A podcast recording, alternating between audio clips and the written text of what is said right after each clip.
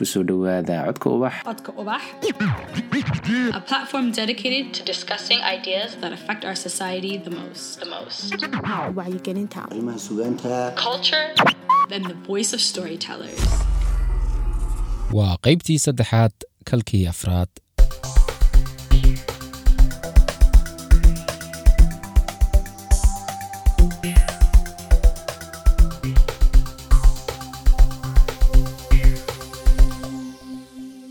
waa taxanihii magaciisu ahaa waa layga guursaday. Qaybtiisii afraad waxaynu ku soo qaadan doonnaa laba sheeko. Tan u horraysa magaceeda waxaa la ydhaha jacayl ku-xigeen dhegeysi wacan. Dardaaranka macallinka imtixaanka qaadaya waxa ugu horreeya dhinacyadaada ha eegin. Hortaada uun eeg. Anna xagga dambe ayaan eegayaa. Waa dhanka ay amaaliga xigto. Waan ku maqanahay oo waan ka jeedsan garan la'ahay inaan khiyaamo imtixaanka ah ku jeedo ayaa loo qaatay. Waxbase igama gelin. Iyada ayaan dhowrayaa. Dhowr jeer oo la ii digay kadib waan iska iimaansaday. Markii bannaanka loo soo baxay ayaan warqad ku qoray lambarkayga.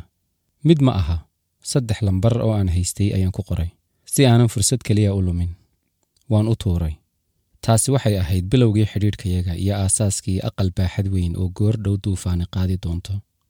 Dhadhanka caashaqa bilowgiisa wax ka macaan anigu ma arkin. Waa marka la kala baqayo laysku cusub yahay ee wax kasta uu qofku kaa dalbadana aad hortiisa dhigaysid. Waaba haddii uu kaa dalbadee. Waa marka aad kala baranayso waxyaabaha ka qosliya iyo kuwa aadka uga qosliya si aad ugu celceliso. Waa marka aad warqad ka fududdahay aad isweydiinayso qofkani halkuu kaaga maqnaa intaas oo dhan. Halkaas aniga oo ku jira ayuu dugsigii sare noo dhammaaday. Nasiib wanaag iyo nasiib darro miday tahay ayaanu kala saari waayey tan dambe ayay u badan tahay. Araggayagii oo yaraaday waxa xigay aniga oo jaamacad dibadda ah ii soo baxday. Waa nimco kale oo mushkilad ku ah aniga iyo ammaal iyo waxa naga dhexeeya oo dhan.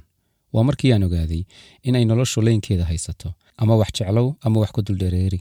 Dariiqa u jeexan ayuunbay haysataa. Nasiib haddaad leedahay waa haddii qorshahaagu la dariiq noqdo iyada. Aniga laba jiho ayay kala qabsadeen. Habeenkii aan berri oo kala baxayo oo dabcan aanu wada joogno ammaal wax badan ismaannu odhan saacadihii aanu wada qaadannay. Aan ka ahayn oohin iyo baroor. Nin isle inanta u calool adayg oo isagii ilmada laga masaxayo. Subaxiina taleefanka ayay ka soo dhex ooyeysay markii reerkayagu madaarka ii raaceen. Sidaas ayaan ku dhoofay. Kun dardaaran iyo kun ballanqaad iyo intaa in la eg oo qorshayaal ah ayaan faraqa ku haystay oo aan maalinba in isticmaalayay daqiiqad kasta oo aan helo waan wici jiray iyaduna sidoo kale ma aha jacaylkayagu mid liicaya haddii aan balaayo kale samada uga iman waanay uga timid. Aniga oo daalan markaasna jaamacad ka imid ayaan fariintan u imid.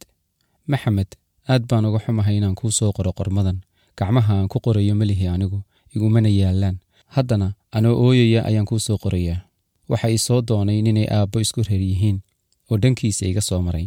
Aabbo iyo hooyo daco iyo habaar qaado ayay ii kala doorasiiyeen waxaan sameeyo garan maayo ee miyaan isdilaa miyaan baxsadaa miyaan tahriibaa waan qaboobay.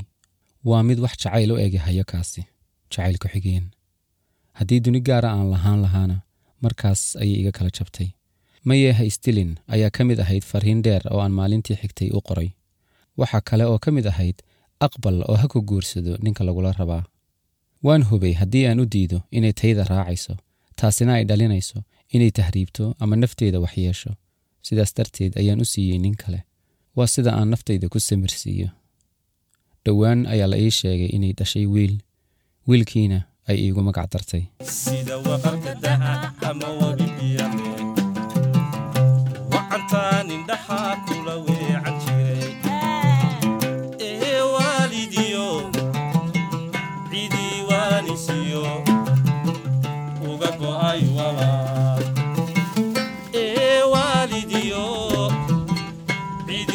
waanisiyo uga go'ay walaal waayadan maala warna umahaye waayadan maala warna umahaye wacantaan jeclaa wadnahayga iyo waxyahayga tabaka waqabiilahay waraan igu socday waxaan jeclaa wadnahayga iyo waxyahayga tabo kawa qabiilahay war anigu socday iga weecinay mise jira wakhtigu labadaysku wacan ma wanaajiye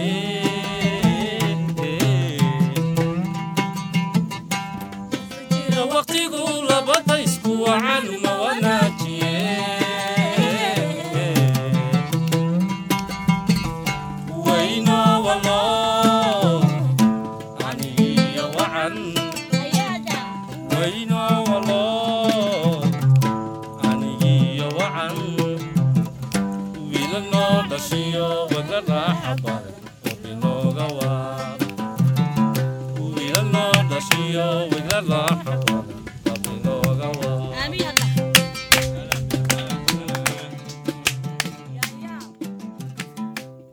sheekadan magaceeda waxaa la yidhaa wiiga adkaa.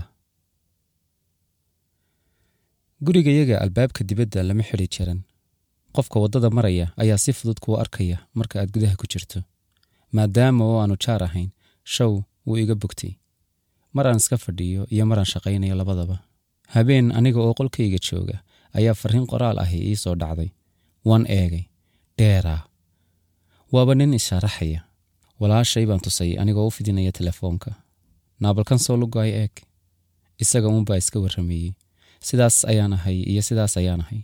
Wuxuu sheegay inuu dowladda u shaqeeyo. Markiiba waxaa igu soo dhacay oday calool weyn oo susuki wata. Kulmiyena ku jira. Waxa uu ku soo gebagabeeyey ii soo jawaab haddii aad ku qanacdo maadaama aanan u jawaabin maalmihii xigay waxaan rajaynayay inuu u fahmo inaanan ku qancin. Sidaana igu daayo. Laakiin maya wuu isoo wacay. Maan garanayn lambarkiisa. Waxaan ogaaday inay isku mid yihiin kii fariinta laiga soo diray waan ka qabtay. Waxaan ku idhi sawdigii aniga jawaabta iga sugayey maxaad ii soo wacday? Nin isdhibaya ma aha. Kuye dee markaan ku waayey ayaan ku soo wacay. Waxaan u sheegay inaanan ka helin oo uu idaayo laba habeen kadib ayuu teleefonkaygu soo dhacay waa lambarkii. Guriga hortiisa ayaan taaganayay soo bax. Waan xanaaqay muxuu ismooday wuxuu ii raaciyey wallaahi aanan dhaqaaqayn ilaa aad soo baxdo. Waxaad doonto samee aabbahaana hay arko. Kolay mar dhow buu imanayaae waa ka dhab qallad la ii soo diray. Anigoo cadho jiq ah ayaan bannaanka u soo booday. Markaas uunbaan shaawarka ka soo baxay. Waxaanan xidhanahay dirac kala maroora koodh weyn oo igu dadan sharabaado kala kaan ah. Timahayga in la rafay ayaad mooddaa waxaan is leeyahay ha ku naco markuu arko adiga oo sidan u eeg. Markii aan dul istaagay daaqadda gaadhigiisa ayuunbuu toosh wejigiisa ku qabtay. Weligii ninka kibir iyo isla weyni badan ma arkin.